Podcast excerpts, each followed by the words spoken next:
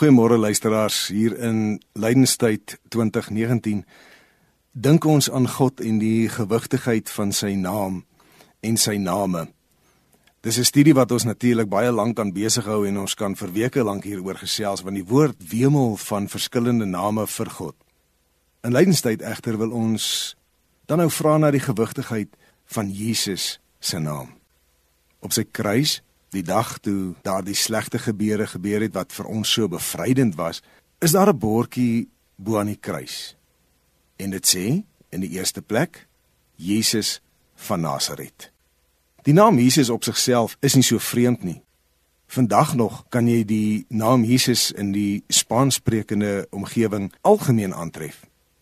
Jesus was 'n algemene naam vir mense in die Mediterrane tyd. Die koppeling van Nasaret sê maar net waar hy vandaan kom. So so daarna gekyk, is dit maar 'n algemene naam van iemand van 'n plekkie wat nie baie indrukwekkend is nie. Maar as jy's hierdie naam waarmee hy geïdentifiseer word wanneer hy aan die kruis hang. Jesus van Nasaret, hoekom is dit so belangrik vir ons vandag? Want ons moet besef, hy wat daar aan die kruis hang, hy wat daardie verskriklike lyding deurgaan, hy wat op die uiteinde gesê dit is volbring moet daar hang as 'n mens, soos ek en jy met 'n gewone naam en 'n gewone van en 'n gewone afkoms.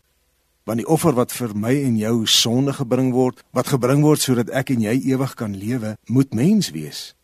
En Jesus was totaal en al mens. Die Hebreërskrywer verstaan dit baie mooi wanneer hy jare later skryf: Vir ons was so 'n hoëpriester nodig, een wat met ons swakhede medelee kan hê. So ja, miskien is Jesus 'n algemene naam. Miskien is die naam van die dorpie Nasaret waar hy vandaan kom maar 'n bietjie algemeen.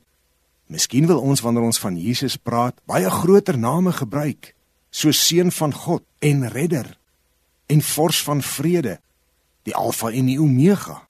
Indrukwekkende, gewigtige name, maar mag ons nooit miskyk dat nie een van daardie name so gewigtig sou gewees het as dit nie was dat hy was, Jesus van Nasaret eenvoudig 'n mens soos ek en jy met swakhede, met vrese, maar besonder mens wat ons skuld kon dra. Mag Jesus van Nasaret gewig dra in jou lewe.